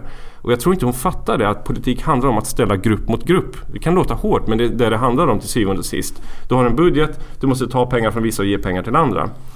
Eh, det är det absolut viktigaste ideologiskt. Du kan som sagt, för att sammanfatta mitt resonemang här, man kan grotta ner sig i vilka ideologier som helst. Men om du inte inser vem som är din uppdragsgivare så spelar det ingen roll vilken ideologi du har. Tror du på öppen svenskhet? Nej, inte så som den är formulerad av Mattias Karlsson. Eh, det är helt orealistiskt att man på en generation eller i samma under en livstid byter identitet och eh, plötsligt är, är svensk. Men om jag flyttar till Japan blir inte jag japan. När jag bodde i Finland blir inte jag finländare för det. Jag tror på, jag tycker att det är ett eh, korkat resonemang att människor överger sin egen identitet under samma livstid. Eh, så, och, och, jag tycker att det här, hela begreppet är ett SD-begrepp. Det är ett begrepp som, som Mattias Karlsson har konstruerat som inte är seriöst. Jag Alltså, men det är klart att du kan bli kulturellt svensk. Men är du adopterad så är du kulturellt svensk, absolut. Men man, man kan inte... Man måste diskutera svenskhet och veta exakt vad det är man diskuterar. Det finns ju olika typer av svenskhet. Det finns ju absolut etniska svenskar. Det är ingenting jag ryggar tillbaka inför att säga. Det, det vågar dock inte ens Jimmy Åkesson säga. Det finns etniska svenskar precis som det finns etniska japaner. Det finns även kulturella svenskar som till exempel adopterade. De är inte etniska svenskar, men de är kulturella svenskar. Så att om man, om man vad ska vi säga, tar ner frågan i lite mindre beståndsdelar. Vad är det vi menar när vi talar svenska? Det finns svenska medborgare också. det finns många svenska medborgare som inte är svenskar. De ingår inte i den svenska nationen. De ingår inte i den svenska gemenskapen. De ser inte sig själva som svenskar. Vi ser dem inte som svenskar. Det finns väldigt många som är svenska medborgare som kanske inte borde vara svenska medborgare. Men jag vill föra debatten på en mer intellektuell nivå vad svenskhet är, precis som vilken, vilken annan nation som helst. Det tycker inte jag att Mattias Karlsson gör när man säger öppen svenskhet. Alla kan bli svenskar. För alla kan inte bli svenskar. Det är en mycket, mycket komplicerad process och alla behöver heller inte bli svenskar. Men det viktigaste om du bor i ett annat land, om du flyttar till ett annat land, det är ju att du lever i harmoni med majoritetssamhället. Inte begår brott och så vidare. När jag flyttade till Finland så blev jag uppringd av någon tidning och då sa jag att Eh, jag lovar under den här tiden att jag kommer inte begå brott, jag kommer inte ligga samhället till last, jag kommer inte konsumera en massa välfärd eh, och jag kommer att försöka lära mig finska det måste vara utgångspunkten i vilket land som helst som du flyttar till. Du försöker att anpassa dig till samhället. Men skulle jag säga jag, jag ska nu försöka att bli finländare. Det, det, det är inte seriöst alltså. Och det, och det finns ingen, ingen poäng i att man gör det heller. Jag menar, samhället mår inte bättre av att människor försöker tvinga på sig en identitet de egentligen inte har. Det finns inget problem att det finns människor i Sverige som, som kanske ser sig som danskar eller som ser sig som ryssar eller ser sig som tyskar så länge de ändå lever i harmoni med samhället. Och det är lite det som är min utgångspunkt varför jag tycker att öppen svenskhet är ett väldigt väldigt korkat begrepp egentligen. Det finns, finns inget annat land i världen som skulle hitta på ett sån här öppen japanskhet eller öppen, öppen tyskhet, öppen finskhet. Det finns men, inte. Men ehm, just det här med eh, det är väl där nationalismen ofta får kritik att just det här att man är född på en viss sida av en viss gräns så är man på ett visst sätt och det här med nedärvd essens och, och sånt mm. där. Blir det inte lätt lite mytologiskt på något sätt? Jo, det blir det ju men det är inte politiken, politiken eller politiker som, som har skapat detta. Jag menar, man kan säga vad som helst som politiker men människor är människor. Och eh, om så alla partier i Sverige skulle stifta en lag som säger att det finns inte svenskar så kommer ändå svenskar som du och jag uppfattar att vi är svenskar och att andra människor är svenskar. Så att det, det, politiken är, det är bara meningslöst att sitta och, och, tro att man kan styra över så här djupt vad ska jag säga, nedärvda känslor som, som finns kring nationalitetsbegreppet. Eh, Sverige har ju inte samma, samma nationalism som till exempel USA. Som är, USA som är byggt mer på en konstitution. Du kan vara american oavsett vilken bakgrund du har. Sverige har inte den traditionen. Eh, och det måste man vara öppen inför att Sverige, eh, Sverige är ett land som har växt fram organiskt under tusen års tid. Vi har inte byggt vårt land på en konstitution. Att kommer du hit och följer konstitutionen så är du svensk. USA har ju varit mer åt det hållet även om de också, det räcker med att åka till USA så ser du vilken segregation de har. Men i Sverige så tycker jag att det är sällsynt obegåvat att tro att vi kan ha den här typen av eh, av liksom, kom hit och, och, så länge du gör rätt för dig så är du svensk. För det är, inte, det är ingen som uppfattar det på det här sättet. Så jag tycker att eh, man ska ha respekt för hur, hur, olika nationer uppfattas. Man ska inte se det som ett hot att människor ser svenskar som en viss typ av människor och andra människor får höra att de inte är svenskar. För det, det är så det är.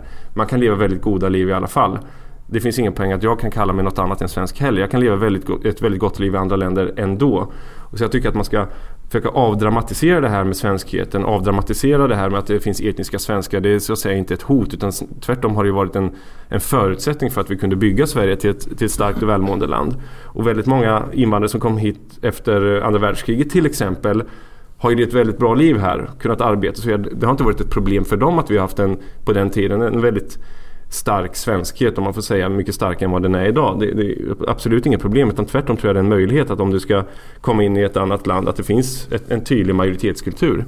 Är deras, skulle du säga är deras barnbarn svenskar? Eh, ja, det beror på vilket land de har kommit ifrån ofta. Men, eh, till... Ungern till exempel? Ja, absolut. Turkiet? Det beror på om de har lärt sig eh, svenska och så vidare. Alltså, jättesvårt att säga på, på ett generellt plan. Jag menar, jag har varit ute i Rinkeby flera gånger. Jag har varit ute i många olika så kallade utanförskottsområden som det kallas. Jag har varit ute på säkert hundra skolor genom åren när jag besökt eh, bokbord med SDU. Och där träffar man andra generationens, ibland tredje generationens invandrare som säger att de, vi är inte svenskar. Sverige för oss det är ett pass. Det står svensk på mitt pass men, men jag är inte svensk. Eh, däremot bor jag i Sverige. Och, och så att de ser sig själva inte ens som svenskar. Och en del av dem gör det såklart. Och en del av dem uppfattas förmodligen av andra som svenskar också.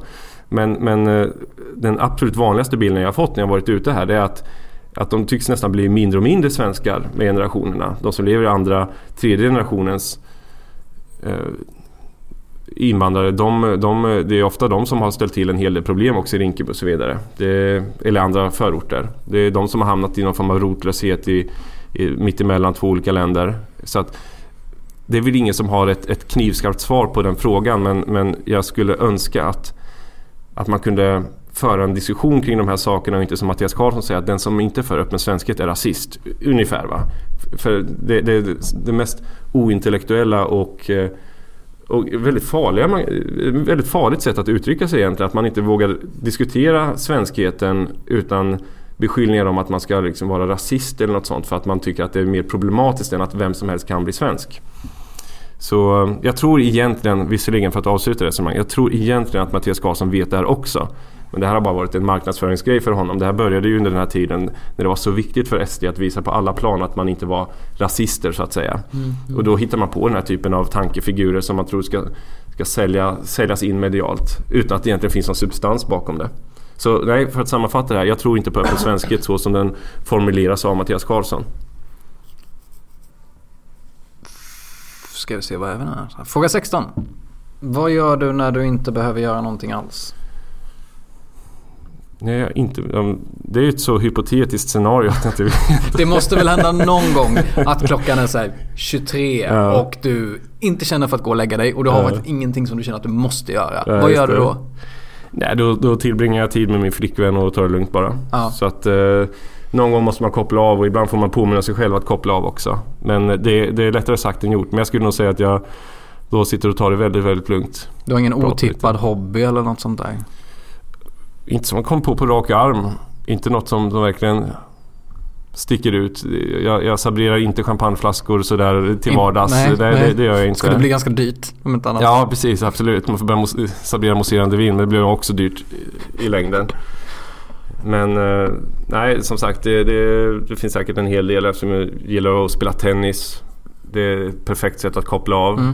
Då är man helt och hållet fokuserad på tennisen och eh, bollen som ska slås över. Så eh, det, det jag, jag, gillar att koppla av genom sport. Jag gillar att koppla av genom att vara ute och springa.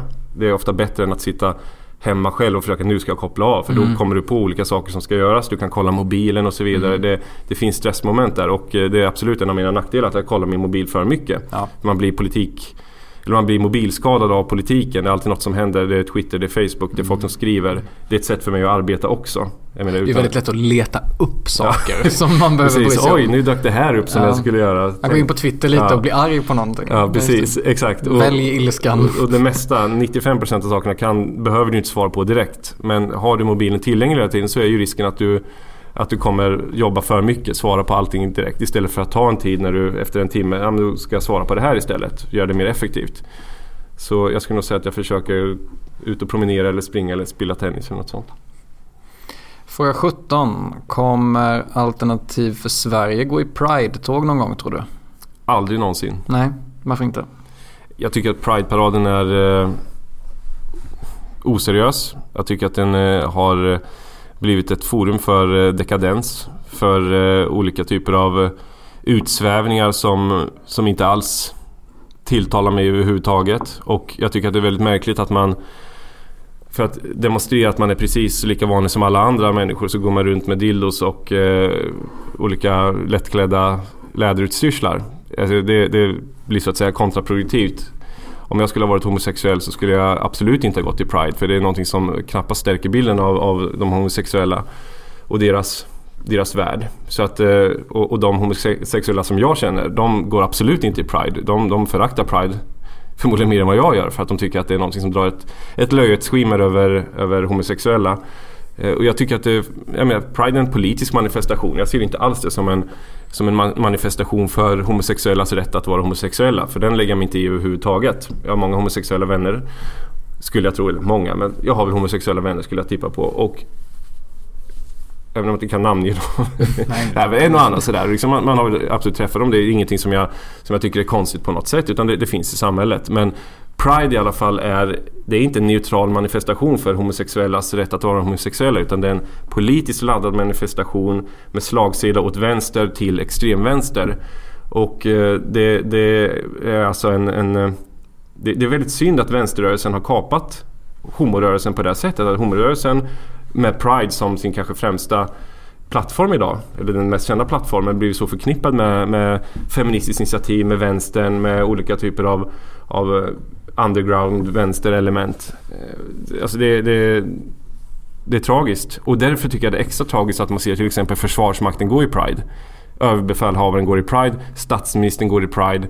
Det, jag tror inte det finns något annat land i världen än Sverige där du har myndighetsföreträdare eller statsministrar statsråd och så vidare som går i Pride. Pride finns ju i de flesta länder, åtminstone i västvärlden.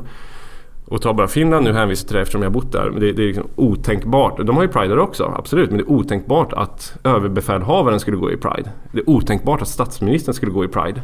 Än så länge i alla fall. Och det är det jag tycker jag vänder mig emot. Att det, det förväntas nästan, det blir som någon slags beskyddarverksamhet Pride. Att om du inte går i Pride då är du homofob. Eh, och RFSL skickar nu ut en uppmaning till alla myndigheter att gå i Pride och de som inte går i Pride, det blir en sån här outtalat hot nästan att då är ni den enda som inte går i Pride. Då får vi se om, om det här blir negativ media. Så jag, jag tycker att det är någon form av beskyddarverksamhet alltså. Men om vi leker med tanken då.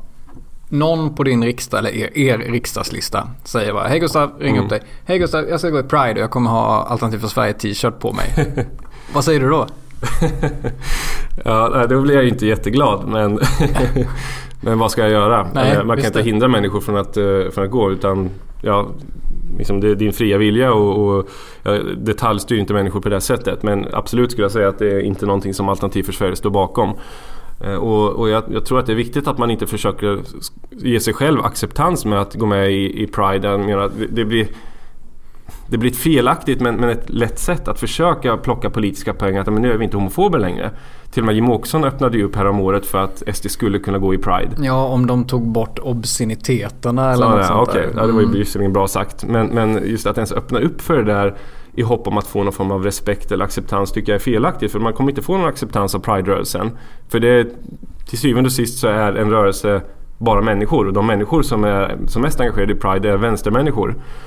Och det innebär att eh, skulle vi någonstans gå ut och säga att ja, men vi kan tänka oss att gå i Pride så skulle vi dels med rätta få ett helvete av våra egna väljare, våra egna medlemmar. Och vi skulle inte få någon som helst respekt av Pride-rörelsen heller.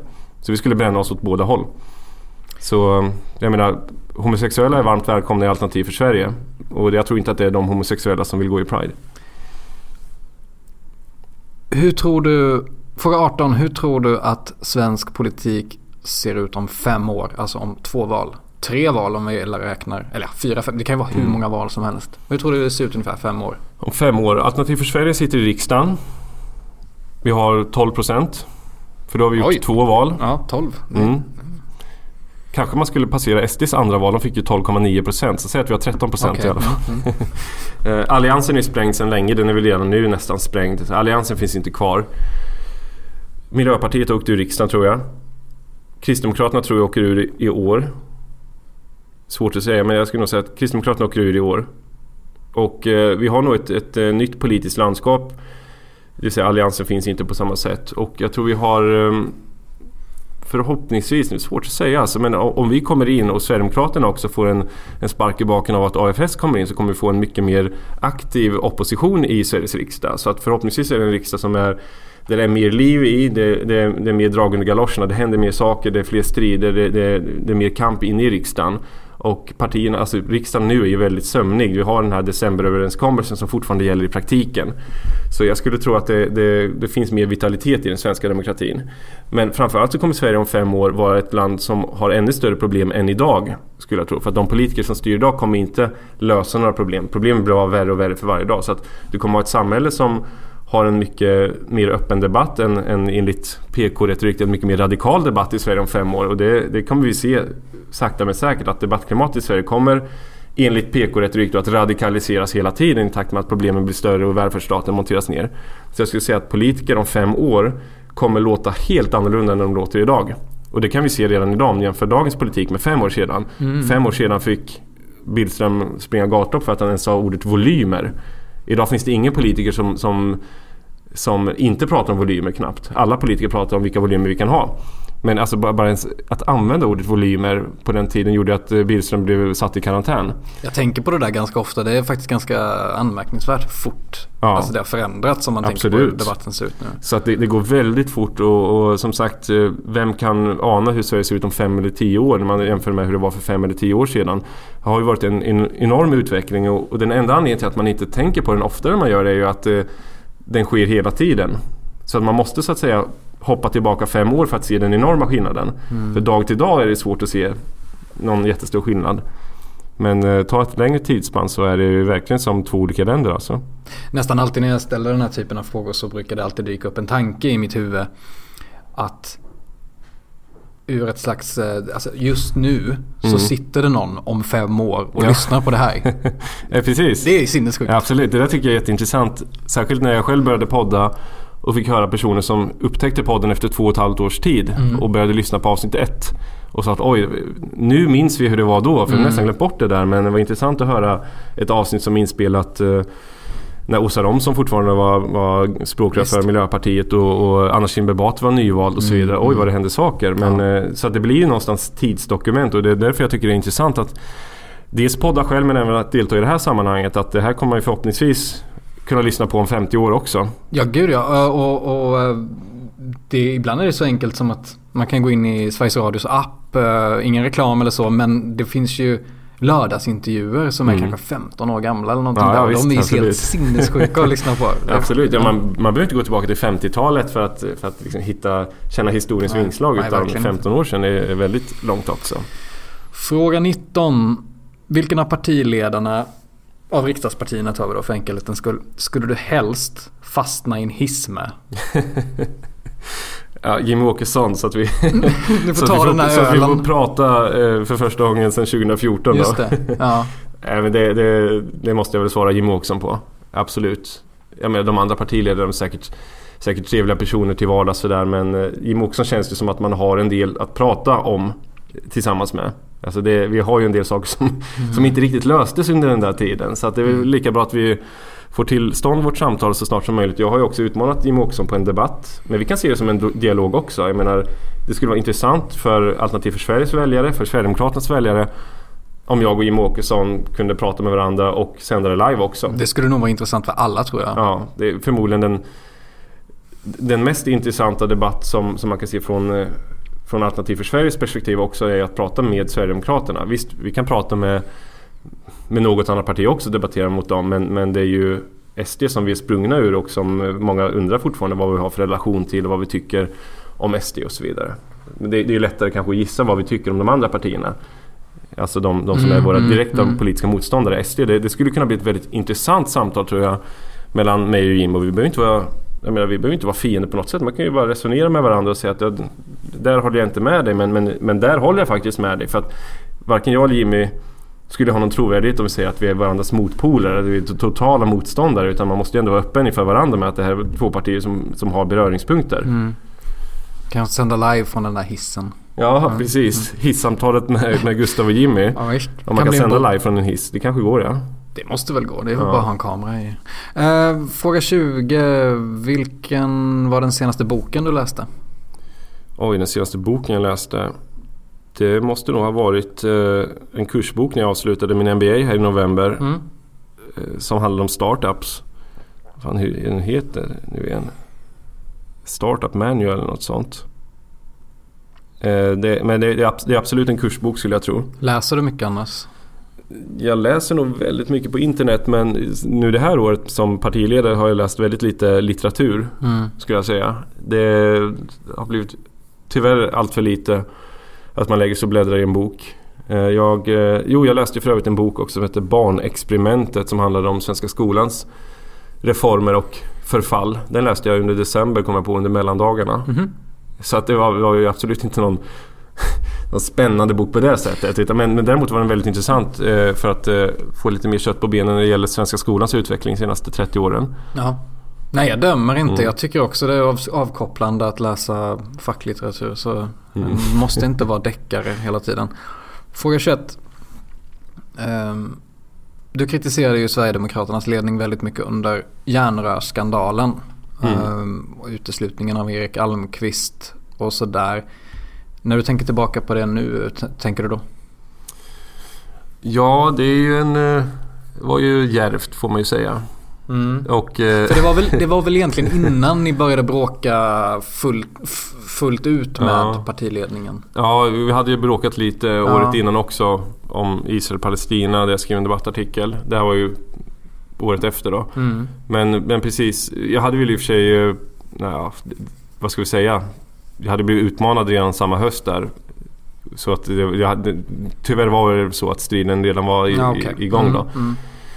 Men eh, ja, den, den artikeln, jag står bakom den och jag tycker den är välskriven. Jag, Den debattartikel i DN Ja, precis. Mm, mm. Helt fel att lå- låta Erik Almqvist gå. Och jag, menar, jag uppmanar alla att läsa den nu igen när, när allt har lagt sig lite. För att många läste den bara då under striden och tyckte ah, okej nu går det ut med det här mitt under SDs kris. Och det visst, det kan man diskutera. Jag var yngre på den tiden och, och eh, kanske tog en, en väldigt, väldigt stor risk där utan att riktigt veta vad jag skulle tjäna på det. För Mm, att mm. det är ju tyvärr partiet som bestämmer om Erik ska få vara kvar eller inte där. Så att, eh, samtidigt, jag var ung och jag, jag, jag tror att jag kanske har gjort lite bättre risk-reward bedömningar nu för tiden när man har, har lärt sig helt enkelt med erfarenhet.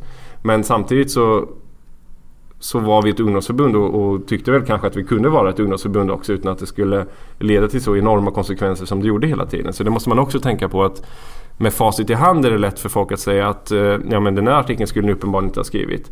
Men det var inte alls uppenbart att, att vi inte skulle kunna skriva den artikeln. Hade det varit något annat ungdomsförbund så hade den här artikeln varit en, helt vanlig artikel som okej ungdomsförbundet tycker annorlunda men Mm, det får ja. inga enorma konsekvenser. Nej men.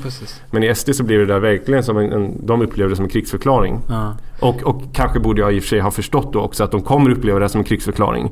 Vilket jag inte tyckte att det var.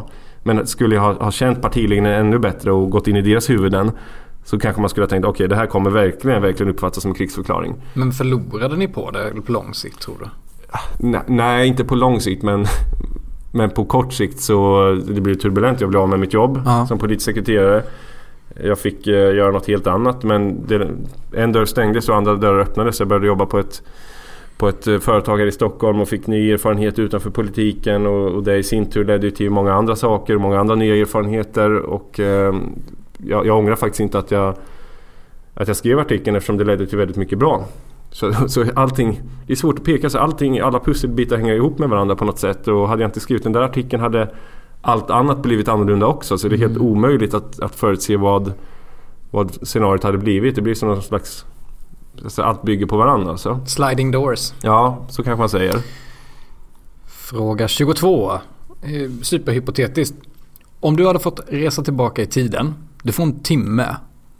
Plats, tid, helt valfritt. Du får också välja om du vill vara observatör eller om du vill vara liksom en handlande person. Vad hade du valt? Oj, oj, oj. Det var en bra fråga. Den fråga jag aldrig fått faktiskt. Mm, Åtminstone inte av journalister. Eh, nu börjar man ju tänka igenom allting och, och jag ska absolut tänka på det mer sen också. Ja, det, En timme observatör. Ja, eller du får ju vara med och handla också. Men du kan inte ändra. Det är inte det här Terminator-grejen. Alltså, du kan inte Nej. ändra historien. Utan det kommer bli så ändå. Även om du går in och, och, petar i det. Ja, just det. Mm. Mm. Eh, det skulle nog... Alltså. Alltså, jag vill nog åka tillbaka långt alltså. Ja. Då, då tar vi... Då tar vi 1772. När Gustav III genomför sin statskupp i augusti. Det måste ha varit häftigt alltså. Skulle du vara med i rummet då eller vad, vad hade du gjort?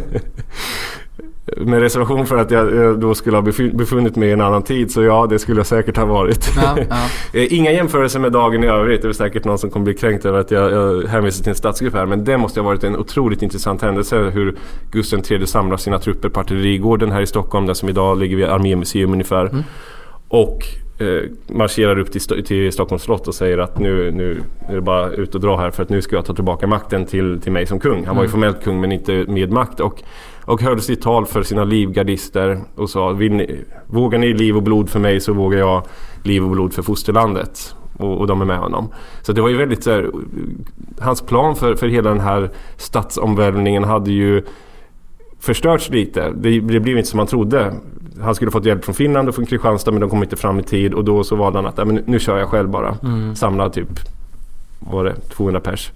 Och så gjorde han det.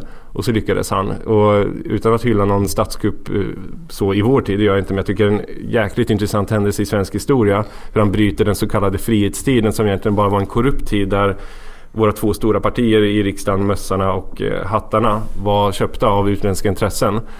Eh, hattarna av Frankrike och mössorna, mössorna av, eh, av Ryssland. Och han ville bryta det här korrupta styret i riksdagen genom att ta tillbaka makten från, från eh, adeln till, till kungen istället.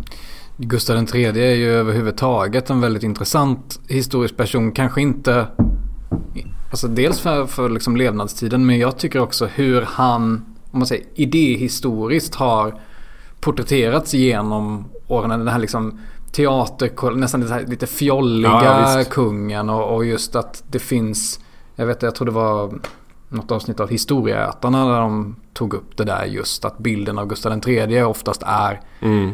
att det är en liten så galen kille i peruk. Och så precis. var det ju inte riktigt. Nej precis, det där är ju någonting som jag också är uppvuxen med. Att ja, men Gustav III det var en, var en kulturfjolla som eh, som eh, liksom, honom kan man skratta lite åt. Mm. Men eh, det är en eh, väldigt intressant tid i svensk historia. En väldigt intressant kung. Han var, han var ju en hård jävel samtidigt som han var en, en kulturellt mm. bevandrad person också ja. som tog väldigt mycket kultur till Sverige. Och han han är ju intressant, dels att han gör den här statskuppen, det är ju inte vilken fjolla som helst som gör. Och det var en oblodig statskupp, det var inte en enda person som dog i statskuppen heller.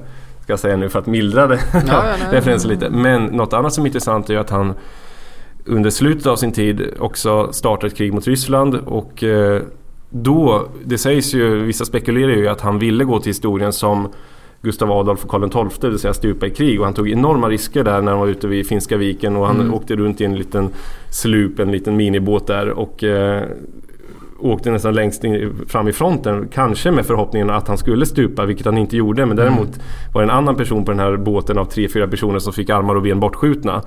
Och så det spekuleras i att han då tyvärr enligt hans egen då bedömning, hans egen vilja inte hade stupat i strid. Och att det här ska ha kunnat varit eh, en, en av eh, anledningarna till att han gick till den här maskeradbalen där han sen blev skjuten 1700 1792 trots att han visste att, att det planerades någonting mot honom. Så kan jag inte stupa i krig så vill jag i alla fall bli mördad. Sen så är det ju också... Väldigt makabert. Jo men ja, det är ju också... Det var inte... Även när han blev skjuten så var det inte självklart. Vi ska inte gå in på... på men, men det är jättekul att höra att du också har det här intresset för historia. Ja men gud jag har faktiskt eh, en kort karriär som historielärare på högstadiet. Faktiskt. Jaså, se där ja. Men... Eh, nej men just att hade, hade han blivit skjuten idag så hade han ju överlevt. Alltså det är ju ja, brutalt absolut. dålig läkarvård där. Det tar ju typ en månad för honom att dö eller något sånt. Ja, där. två veckor eller ja, sånt ja. ja. just det, en massa spikar och, och, skrot och sånt som man blir skjuten med. Ja, och de typ åderlåter honom. Ja, han har förlorat massa blod. Ja, det är så jävla dumt. Men det här är ett tecken på att, att, uh, att han kan ha beordrat då till läkaren att ja, men låt, låt mig Låt mig dö eller är det något, eller alltså, är det här ett tecken på något annat? Det att, att han faktiskt avled för, för det här. Borde han inte ha avlidit? Jag tror nog att, jag tror nog att eh, vi får nog, vi får nog mm. lägga skulden på sent 1700-tals ja. väldigt dåliga läkarvård. uh, ja. Ja, fråga 23. Vi tar en hypotetisk fråga till. Mm. Uh, och du får inte säga ingen av dem här. Okay.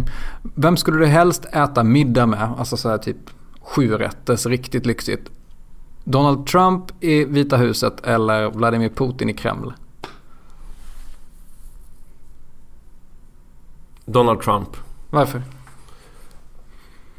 Ja, för att jag kan prata engelska men inte ryska. ja, fast vadå? Ja, det sägs ju att eh, Putin kan svenska. Så, alltså, ja, han är väl någon gammal KGB. Ja, okej. Okay. Ja. Det kanske Ja, det skulle vara intressant att veta om han faktiskt kunde det mm. och sitta och prata svenska med Putin.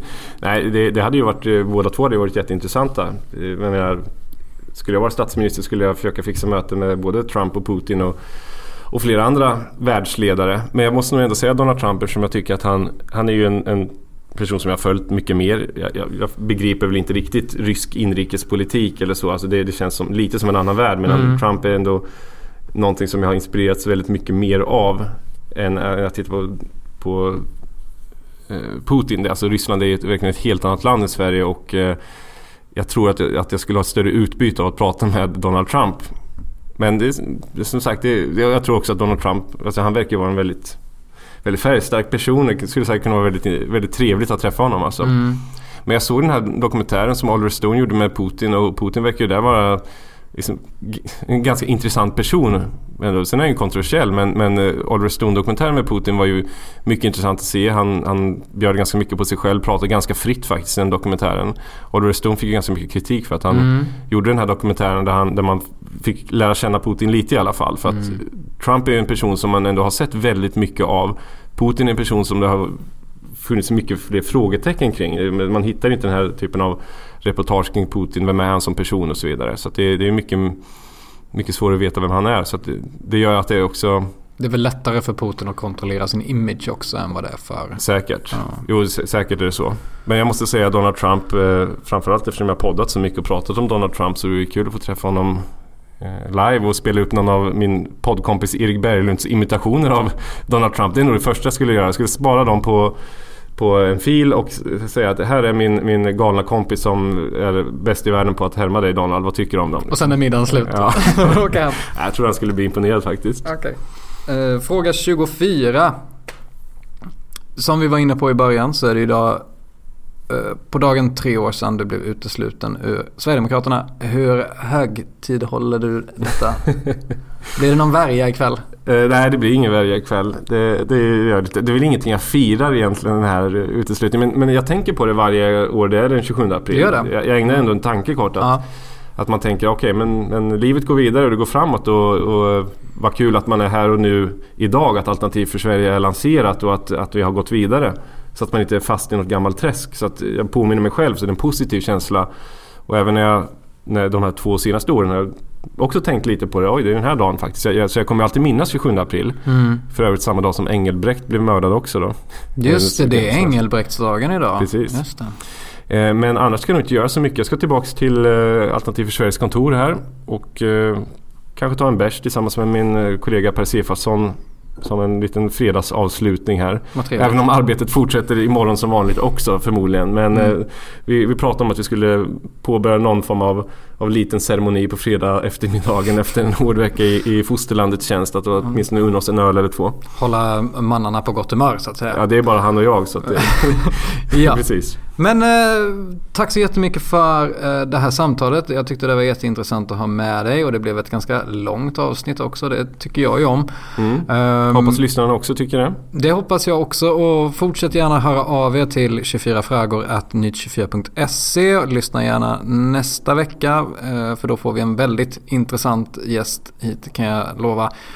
Tills dess så säger jag och Gustav, Gustav Kasselstrand hej då. Hej då. Bra. Ja. Head over to Hulu this March, where our new shows and movies will keep you streaming all month long. Catch the acclaimed movie All of Us Strangers, starring Paul Mescal and Andrew Scott. Stream the new Hulu original limited series We Were the Lucky Ones with Joey King and Logan Lerman. And don't forget about Grey's Anatomy. Every Grey's episode ever is now streaming on Hulu. So, what are you waiting for? Go stream something new on Hulu.